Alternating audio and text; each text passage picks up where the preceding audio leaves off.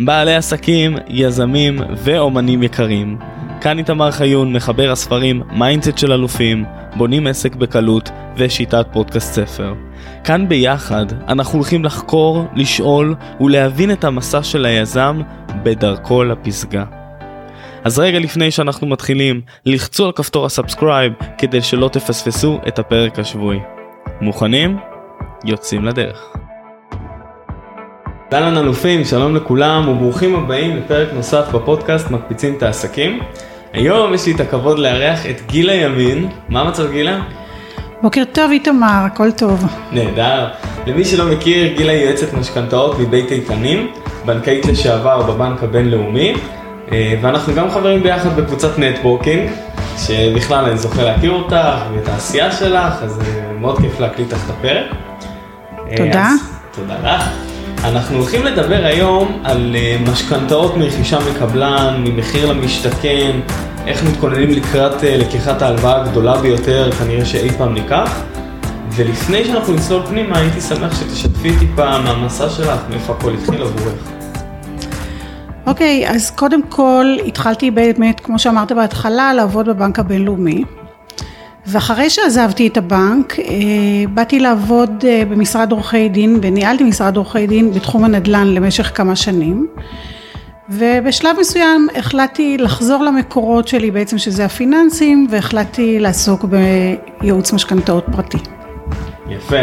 ואת היית, אה, היית הרבה זמן מאחורי הקלעים של הבנק, אז את יודעת איך הדברים מתנהלים, את יודעת מה אוהבים לשמוע, מה פחות אוהבים לשמוע. נכון, יש יתרון גדול למי שבא מהמער... מהמערכת הבנקאית ובעצם אני מכירה איך הבנק מציב יעדים לעובדים שלו. אני יודעת לזהות איזה בנק רוצה יותר עסקאות. אני יודעת איך לדבר עם הבנק בשפה הבנקאית בעצם, ויותר חשוב, הרבה פעמים אני יודעת גם מה לא להגיד לבנק, כי זה גם משהו שהוא חשוב, לפעמים יש אינפורמציה. לבנק צריך להגיד אמת, תמיד. אבל לפעמים יש דברים שהוא לא חייב לדעת כדי לא להכשיל עסקה, וגם את זה צריך לדעת לעשות. אוקיי, יפה, אז עוד שניה אנחנו גם נצלול, הייתי שמח שתיתני לנו גם דוגמאות ודברים, אה, אבל אני רוצה שאנחנו נעשה כאן איזשהו אישור קו, את יודעת, מאזינים לנו הרבה בעלי עסקים ואנשים שרוצים להשקיע ולעשות דברים. בואו נתחיל רגע מה, מהמשכנתה, מה זה המחיר למשתכן? מחיר למשתכן זה בעצם אופן אחד מפרויקט של אה, משרד השיכון, הם קוראים לפרויקט הגדול דירה בהנחה. יש מחיר למשתכן, יש מחיר מטרה, יש מחיר מופחת, אלה כמה תוכניות.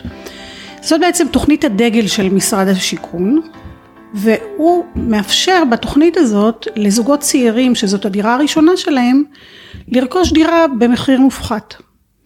יש קריטריונים כדי להתקבל לתוכנית, ובעיקרון אה, מי שהוא זוג צעיר ורוצה, אין לו דירה, יכול לרכוש דירה ראשונה בהון עצמי קצת יותר נמוך מאשר אה, מה שדורשים בדרך כלל. ואם הוא קונה בפריפריה, יש מקומות שאפילו אפשר אה, לקבל מענקי מקום בסכומים של 40 אלף או 60 אלף, זה בהתאם לרשימה של יישובים שנמצאת במשרד השיכון. ומי שקונה באזורים האלה יכול לקבל את ההנחה הזאת בנוסף. אוקיי, והוא משלם על זה כביכול בריביות, נכון? אחר כך ב... או שלא? לא, ה-40 או ה-60 האלה הם בעצם מענק. Mm. הם מענק מקום, ככה זה נקרא. הוא משלם על ההלוואה הנוספת שהוא לוקח. אוקיי. הסכום הזה נכנס בתוך ההלוואה, אבל הוא נשאר כמענק בסופו של דבר, ואחרי חמש שנים הוא פשוט נמחק מהמשכנתה. יפה. מעניין אותי מה עם אה, רוב הטעויות שאת שמה לב שאנשים בדרך ללקיחת משכנתה, שהם עושים אותם. יש, אה, יש כמה טעויות שאנשים עושים. נתחיל מזה. הדבר הכי חשוב כשלוקחים משכנתה זה לבוא עם תוכנית מסודרת. הרבה פעמים אנשים אה, מתייעצים עם דוד, עם חבר, עם איזשהו מכר, כל אחד מומחה. ואז כל אחד גם באמת נותן עצה אחרת. Mm-hmm. ואז מה שקורה זה, בסופו של דבר מגיעים דווקא למקום של בלבול, לא בטוחים מה לעשות, ואז נכנסים ללחץ של זמן, נכנסים, אה, אפילו, אפילו יכולים להגיע למצב של גם לא לקחת משכנתה יותר טובה, וגם איחרת בתשלום. אז הדבר הראשון זה לעשות סדר ולקחת, אה, לעשות, אם אתה לא יודע לעשות את זה בעצמך, עדיף לקחת מישהו מקצועי שיעשה את זה עבורך. אני חושב ששום דבר בחיים אנחנו לא יודעים לעשות לבד. כאילו, לא. אנחנו צריכים מישהו ש... נכון, תמיד צריך איזה מנטור, אבל אה, בסדר, כאילו זה נכון לעשות את זה כי זה חוסך הרבה כסף. בדיוק. אבל אה, יש עוד כמה טעויות, אני רוצה למקד עוד כמה דברים שחשוב אה, לכל אחד כשהוא לוקח משכנתה. קודם כל לשים לב להחזר החודשי. ההחזר החודשי בדרך כלל אנחנו אומרים תחזיר את הכי יותר שאתה יכול כי ככה תוכל לסיים את המשכנתה יותר מהר, לחסוך בריביות וכולי. מצד שני תמיד צריך להיזהר כי קח למשל את התקופה של היום הריביות עלו, המדדים עלו, ההחזר החודשי עלה. לכן תמיד כשאני בונה משכנתה אני בונה את ההחזר החודשי באופן כזה שמצד אחד הוא יהיה מספיק גבוה כדי שהוא יחסוך, המשכנתה תהיה משולמת יותר מהר. מצד שני אני תמיד דואגת להשאיר רווחה כלכלית ללקוחות שלי כדי שהמשכנתה לא תחנוק אותם גם אם יהיו שינויים צריך לקחת אותם מראש בחשבון ולדעת איזה תוספת ההחזר החודשי עדיין לא תגרום ללחץ כלכלי על התא המשפחתי. טעות נוספת זה של חישוב שנים. בהלוואה כל כך גדולה שזוג צעיר לוקח, בדרך כלל אומרים לו בוא תיקח לשלושים שנה וכולי וכולי. אבל אם אתה תיקח למשל מסלול של ריבית קבועה לא צמודה לשלושים שנים, הריבית במסלול הזה תהיה גבוהה יותר מאשר אם תיקח אותו לפחות שנים. בדרך כלל אנשים לוקחים משכנתה, אמנם פורסים אותה לשלושים שנה, אבל בדרך כלל אחרי חמש, שבע, עשר שנים. אנשים משתנים, המצב הכלכלי משתנה, מתפתחים, נולדים עוד ילדים, אה, המצב התעסוקתי יכול להשתפר, אנשים רוצים לשפר דיור. תמיד חשוב לקחת בחשבון דברים שעשויים לקרות עם הזמן ולבנות את המשכנתה באופן כזה שיהיו בתחנות יציאה ואפשר יהיה למחזר אותה, לשדרג אותה, לגרור אותה, או כל מה שרוצים בדרך. דבר נוסף שצריך לשים אליו לב זה שהבנקים אוהבים לחלק את המשכנתה לשלישים. שליש בפר... במסלול פריים, שליש במסלול קבועה לא צמודה ושליש במשתנה צמודה. תזכרו תמיד, המסלולים האלה כשמחלקים אותם באופן כזה לתקופה המקסימלית את כולם, הם המסלולים הכי רווחיים לבנק.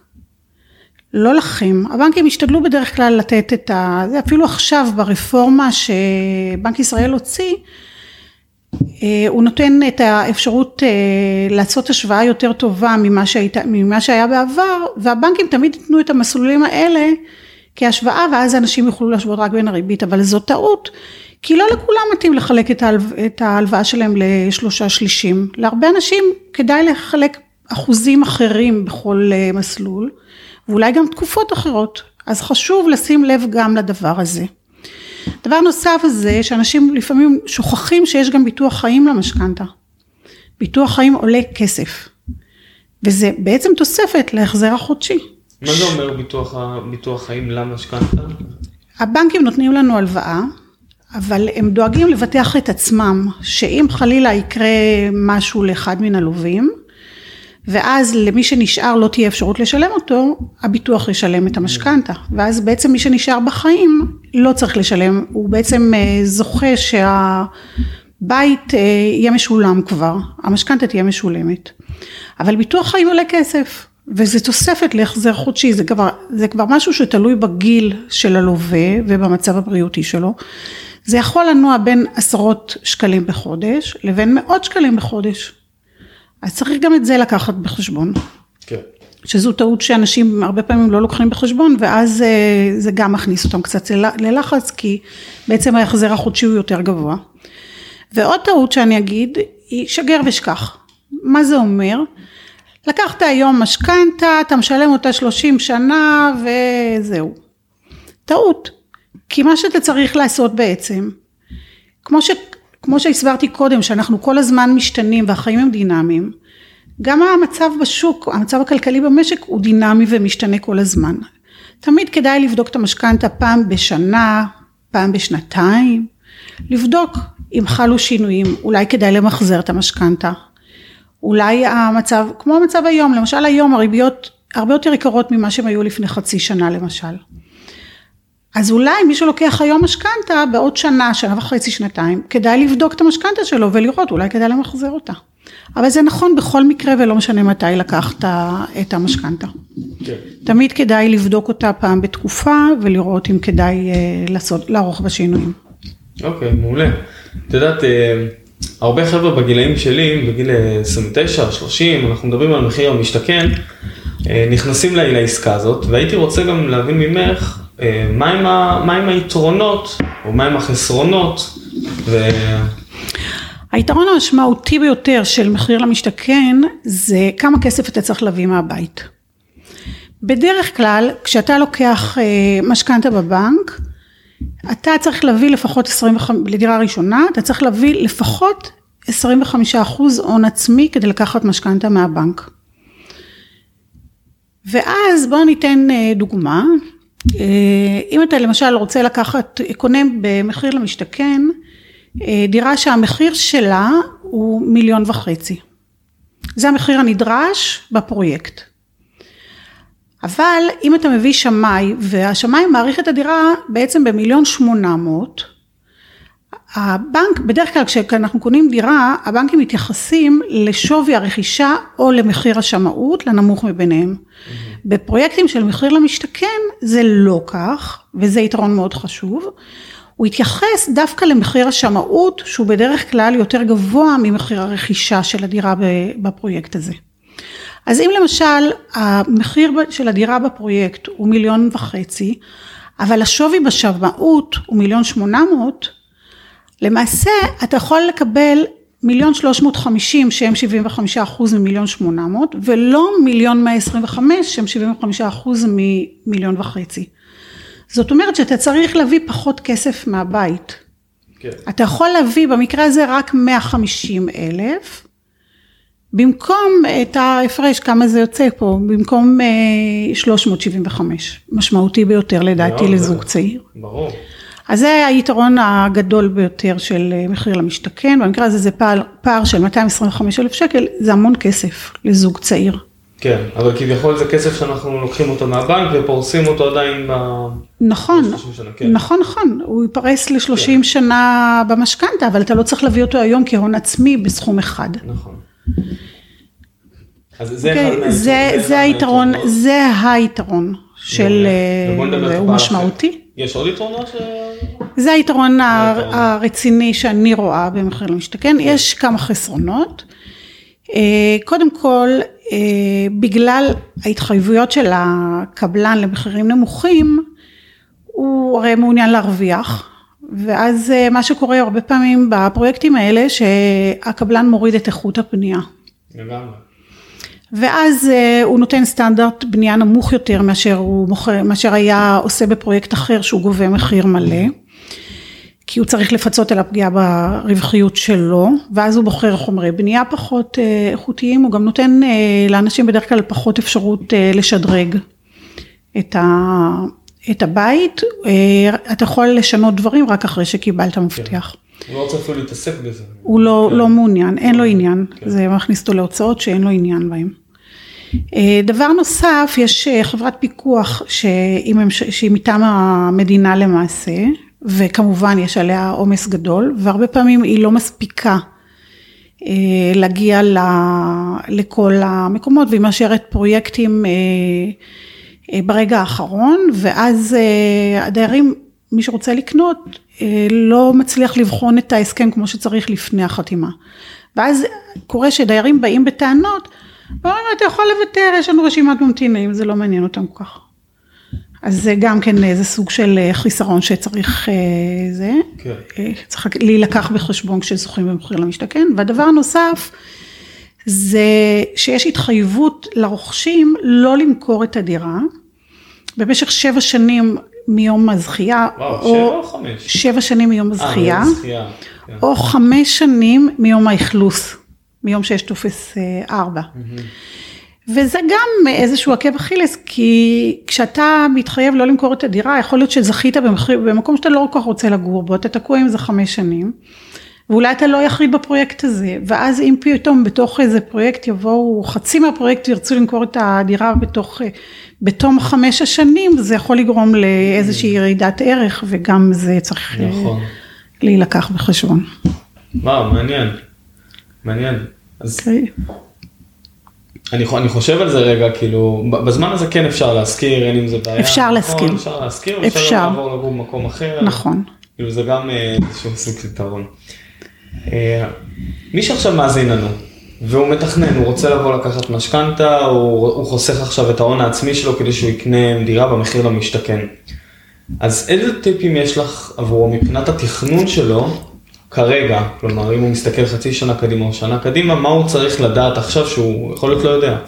קודם כל הוא צריך לדעת אה, בכמה כסף הוא יכול לקנות לפי ההון העצמי שלו, לפי המקום שבו הוא זכה. אה, נניח שזכית ביבנה, נניח שזכית ברמת אפעל, או לחילופין בעפולה. המחירים שונים מפרויקט לפרויקט, מאזור לאזור. אה, המחירים שונים וגם שווי ערך הבית אה, בסיום הפרויקט הוא גם אחר. יש הרבה משתנים בערך של הבית, זה לא תמיד רק עלויות הבנייה, זה גם האזור שאתה קונה בו, משפיע על המחיר של הנכס. אה, לפי כמה שהקבלן דורש את הכסף, ולפי כמה השווי של הבית, לפי זה אתה גוזר את ה-75% שאתה יכול לקבל מימון, ולפי זה תתארגן על הון עצמי. אם אתה מצליח לחסוך אותו, או לקבל עזרה מהורים, או לפעמים אנשים אפילו לוקחים הלוואה נלווית נכון. כדי להגיע להון עצמי. צריך להיערך לכל הדברים האלה. אוקיי. Okay. מבחינת התכנון שלהם בהוצאות, בהכנסות, זה צריך להיות משהו ש... תראה, תמיד, תמיד צריך לקחת אה, אה, בחשבון הוצאות נלוות ליד המשכנתה. אם אתה לוקח אה, יועץ שאומנם חוסך לך הרבה מאוד כסף, עדיין זו עלות שעולה לך כבר בזמן אמת כשאתה מתכנן את המשכנתה. כשאתה קונה בית אתה צריך לקחת בחשבון גם אה, הוצאות של עורך דין. ונדבר על לא רק אה, במחיר למשתכן, בכל דירה שאתה קונה, כשאתה קונה דירה, אפילו אם זו דירה שנייה נניח, אתה צריך לקחת בחשבון גם אה, שיש מס רכישה, כי אם זו דירה שנייה, המס רכישה הוא מהשקל הראשון. יש כל מיני הוצאות שצריך לקחת אותן בחשבון, לא הכל אפשר להעמיס על המשכנתה, וצריך להיערך בהתאם. דבר ראשון, אה, דבר נוסף שצריך לקחת בחשבון, זה תמיד תבדקו את רמת ההכנסות שלכם, ואם אתם יכולים לעמוד בהחזרים החודשיים. תמיד לקחת משכנתה בסכום שאתם יכולים באמת לעמוד בהחזרים החודשיים, כמו שהסברתי קודם. מצד אחד להחזיר את המקסימום, מצד שני לא להיקלע למצוקה כלכלית, כי גם זה חשוב, אי אפשר לקנות בית ואז אה, להחנק ולא לגמור את החודש כל, את החודש, ואז אתה נקלע ללופ של... כן, פלונטר שהוא של פלונטר שנים. שלא יוצא, של שנים, נכון. אז חייב מראש להיערך ולקחת את זה בחשבון. מצד אחד לא להחזיר מעט מדי, כדי בכל זאת להתקדם ולסיים את המשכנתה. מצד שני, לא לפגוע בשום אופן ברווחה של התא המשפחתי. לקחת בחשבון את ביטוח החיים, גם אמרתי את זה קודם, כן. והרבה פעמים כשקונים אה, בית, חשוב מאוד לעשות שמאות מוקדמת, זה, זה יכול לחסוך הרבה מאוד כסף. למשל כשקונים, אה, אני יכולה לתת דוגמה פה של אה, לקוח שלי שקנה דירה מפוצלת בבאר שבע לפני כמה חודשים אה, ודרשו ממנו סכום מסוים. עכשיו מכיוון שהדירה היא מפוצלת וזה בדרך כלל לא בהיתר של הטאבו, הצעתי לו לעשות שמאות מוקדמת אבל הוא אמר לי, ואז הוא אמר לי, אבל שמעו תעלה לי שלוש או שלוש וחצי אלף שקל, אה, חבל על הכסף, אמרתי לו, לא, לא חבל על הכסף, כן. כי אתה אומנם מוציא היום את הסכום הזה, מצד שני, השמאות תשמש אותך כשאתה לוקח משכנתה, ומצד יותר חשוב, אתה תראה אם המחיר שדורשים ממך הוא באמת ריאלי, או שאולי הם אה, סתם פוצצו מחיר. ובמקרה הזה ספציפית, למרות שזה באר שבע, דירות אה, הרבה פחות יקרות מאשר באזור המרכז, היה לו חיסכון של 50 אלף שקל כי הוא התמקח עם המוכר לפי מחיר השמאות. וואו. זה הרבה כסף, היה שווה לשלם שלוש וחצי אלף שקל. כן. יפה, הוא כבר חסך, השקיע את זה וחסך את זה. נכון, לכן הרבה פעמים בדירות יד שנייה, שיש בהם איזשהו עניין, שווה, שווה לעשות שמאות מוקדמת. מעולה. אילן, מעניין אותי, אה, עבדת הרי מאחורי הבנק. עבדתי בבנק. עבדת בבנק, אז... מאחורי הקלעים של ה... כן, אני מכירה. אז בואי נדבר טיפה מה אנשים אומרים שהם לא צריכים להגיד. שהם לא יודעים אפילו. בוא, אני אתן לך סתם... כן. הבנק בודק את המצב, את החוסן הכלכלי שלך, הוא מוציא דוחות אשראי מבנק ישראל, או כאלה, כשאתה לא בא לקחת, לבקש אשראי מהבנק, אתה למעשה חותם לבנק, שאתה מאשר לו לקבל מבנק ישראל את המצב הפיננסי שלך. ושם רשומות כל ההלוואות שלך, אפילו בכרטיסי אשראי, יש המון מידע שהבנק יכול לדלות משם. אבל בוא נניח שלפני שלוש שנים חזר לך איזה צ'ק. או אפילו יותר מזה, היית מוגבל לפני יותר משלוש שנים. הבנק לא יכול לראות את זה, כי הדוחות שהוא מוציא הם לשלוש השנים האחרונות. Mm. אז אם חזר לך צ'ק לפני ארבע שנים, או היית מוגבל לפני ארבע שנים, אתה לא חייב לספר את זה היום. זה מידע שיכול לקלקל לך מצד אחד, ואם הבנק לא יודע אותו ולא אמרת אותו, לא קרה כלום. התקדמנו הלאה, בינתיים אתה כבר במצב של חוסן כלכלי טוב, אתה הדירוג האשראי שלך הוא טוב, אין שום סיבה להודיע לבנק שפעם הייתה לך בעיה. כן, ואיך זה עובד? זה מתעדכן כל שנתיים? הדוחות האלה הם תמיד לשלוש שנים אחורה, mm. וזה מה שהבנק יכול לראות למעשה, גם אנחנו, זה מה שאנחנו רואים. כשאני מוציאה דוח אשראי אה, לקוח, אני רואה שלוש שנים אחורה. מצד שני, אם מישהו אה, נמחק לו חוב למשל באחד מן הבנקים, הוא צריך לקחת בחשבון שהבנק הזה, בבנק הזה הוא כבר שרוף, בבנק הספציפי הזה הוא לא יוכל לקחת שום אשראי אף פעם, הבנק הזה אפילו יכול לסרב לפתוח לו חשבון. בבנקים אחרים, אם כבר עברו שלוש שנים, הם פשוט לא יראו את זה. רגע, אז בוא ניתקע על זה שנייה. אתן לך דוגמה כן, ספציפית. כן, כן. היו לי זוג לקוחות, אה, הם רצו לקחת משכנתה, דווקא במקרה הזה גם במחיר למשתכן. אה, לבעל, אה, עוד לפני שהוא היה, לפני שהוא התחתן עם אשתו הנוכחית, מחקו חוב של 50 אלף שקל בבנק פועלים. והוא לא סיפר לי את זה, אבל כשראיתי את דוח האשראי שלו, ראיתי שיש איזשהו עניין עם בנק פועלים. לאשתו יש חשבון בבנק פועלים. ואז הבנתי שלמעשה, למרות שלאשתו יש חשבון בבנק פועלים, ולה היה שם כסף, והיא נחשבת ללקוחה טובה שם, לא יכולתי אפילו לפנות בשבילם לבנק פועלים, כי מבחינתם בנק פועלים הוא שרוף. בנק פועלים לא ירצה לקבל אותו כלקוח, כי בעבר הוא מחק לו חוב בהסדר. אבל אפשר היה למצוא פתרון בבנק אחר, שלא מכיר את ההיסטוריה, mm-hmm. והתקדמנו, הצלחנו לעשות להם משכנתה. כלומר הולכים לבנק אחר ופותחים דף מאפס זה, זה לא, זה לא כל כך פשוט, כן. יש מהלכים שאם אתה נמצא מאחורה ואתה מכיר אותם, אז אתה יודע איך לפנות נכון לבנק אחר. יכול להיות שבעוד בנק זה לא ילך, אבל בבנק שלישי זה כן ילך. Mm, זאת אומרת, צריך לדעת את המהלכים מאחורי הקלעים ולדעת למי לפנות עם איזה תיק, למעשה. כן, כל מקרה לגופו. ממש... לגמרי, אה, לגמרי כל מקרה לגופו. אוקיי. אמ, האם התכנון האסטרטגיה שלנו ללקיחת משכנתה במחיר למשתכן, או דירה מקבלן, או דירה שאנחנו רוכשים ביד שנייה, שונה מאסטרטגיה אחרת? לא. כן, לא? לא. זה בדיוק אותן אסטרטגיות. אנחנו נעשה בדיוק את אותם דברים. הדבר היחידי שמבדיל זה שבמחיר למשתכן ובכלל במחיר מטרה או בתוכניות של משרד השיכון, אפשר לקנות דירה עם הון עצמי מופחת. זה הרעיון.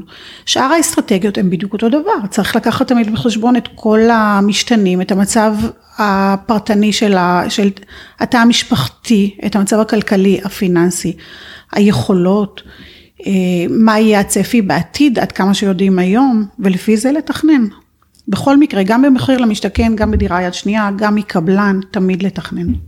כן. תמיד לתכנן, תמיד לקחת בחשבון את כל הפרטים. ובאיזה שלב את נכנסת למקצ... לתהליך כבעלת מקצוע? תמיד, תמיד עדיף לפני החתימה על ההסכם. כי אז גם יש לי שליטה להגיד ללקוחות שלי, אה, שכשהם חותמים על ההסכם, לתכנן את אה, לוח התשלומים שלהם. ברכישה מקבלן זה קצת פחות, כי בדרך כלל לקבלנים יש את אה, לוח הרכישה שלהם, ואז לפי התקדמות הבנייה הם דורשים את הכסף. בדירה של יד שנייה, אני יכולה לבקש לוח תשלומים שיהיה נוח לי מבחינת המשיכות מהמשכנתה.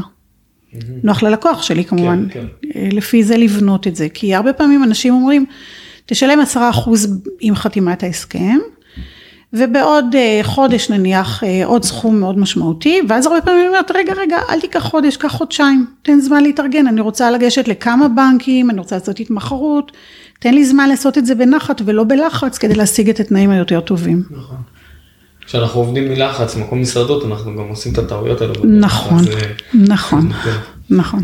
אוקיי, ובא לי שניתן קצת אמונה למי שמאזין לנו ואומר, רגע, אבל אה, אה, היו לי בעיות באשראי בבנק, או חזרו לי צ'קים בשנתיים האחרונות, והוא כן רוצה, את יודעת, אה, יש לו את ההון העצמי, קצת לפתוח דרך חדשה. כל מקרה לגופו במקרים האלה, הבנקים פחות יאהבו אנשים שבשנתיים האחרונות, האחרונות חזרו להם צ'קים. אה, מצד שני עדיין אפשר למצוא להם פתרונות. גם במערכת החוץ בנקאית, יש היום הרבה גופים חוץ בנקאיים טובים, שמאפשרים לקחת אה, משכנתה.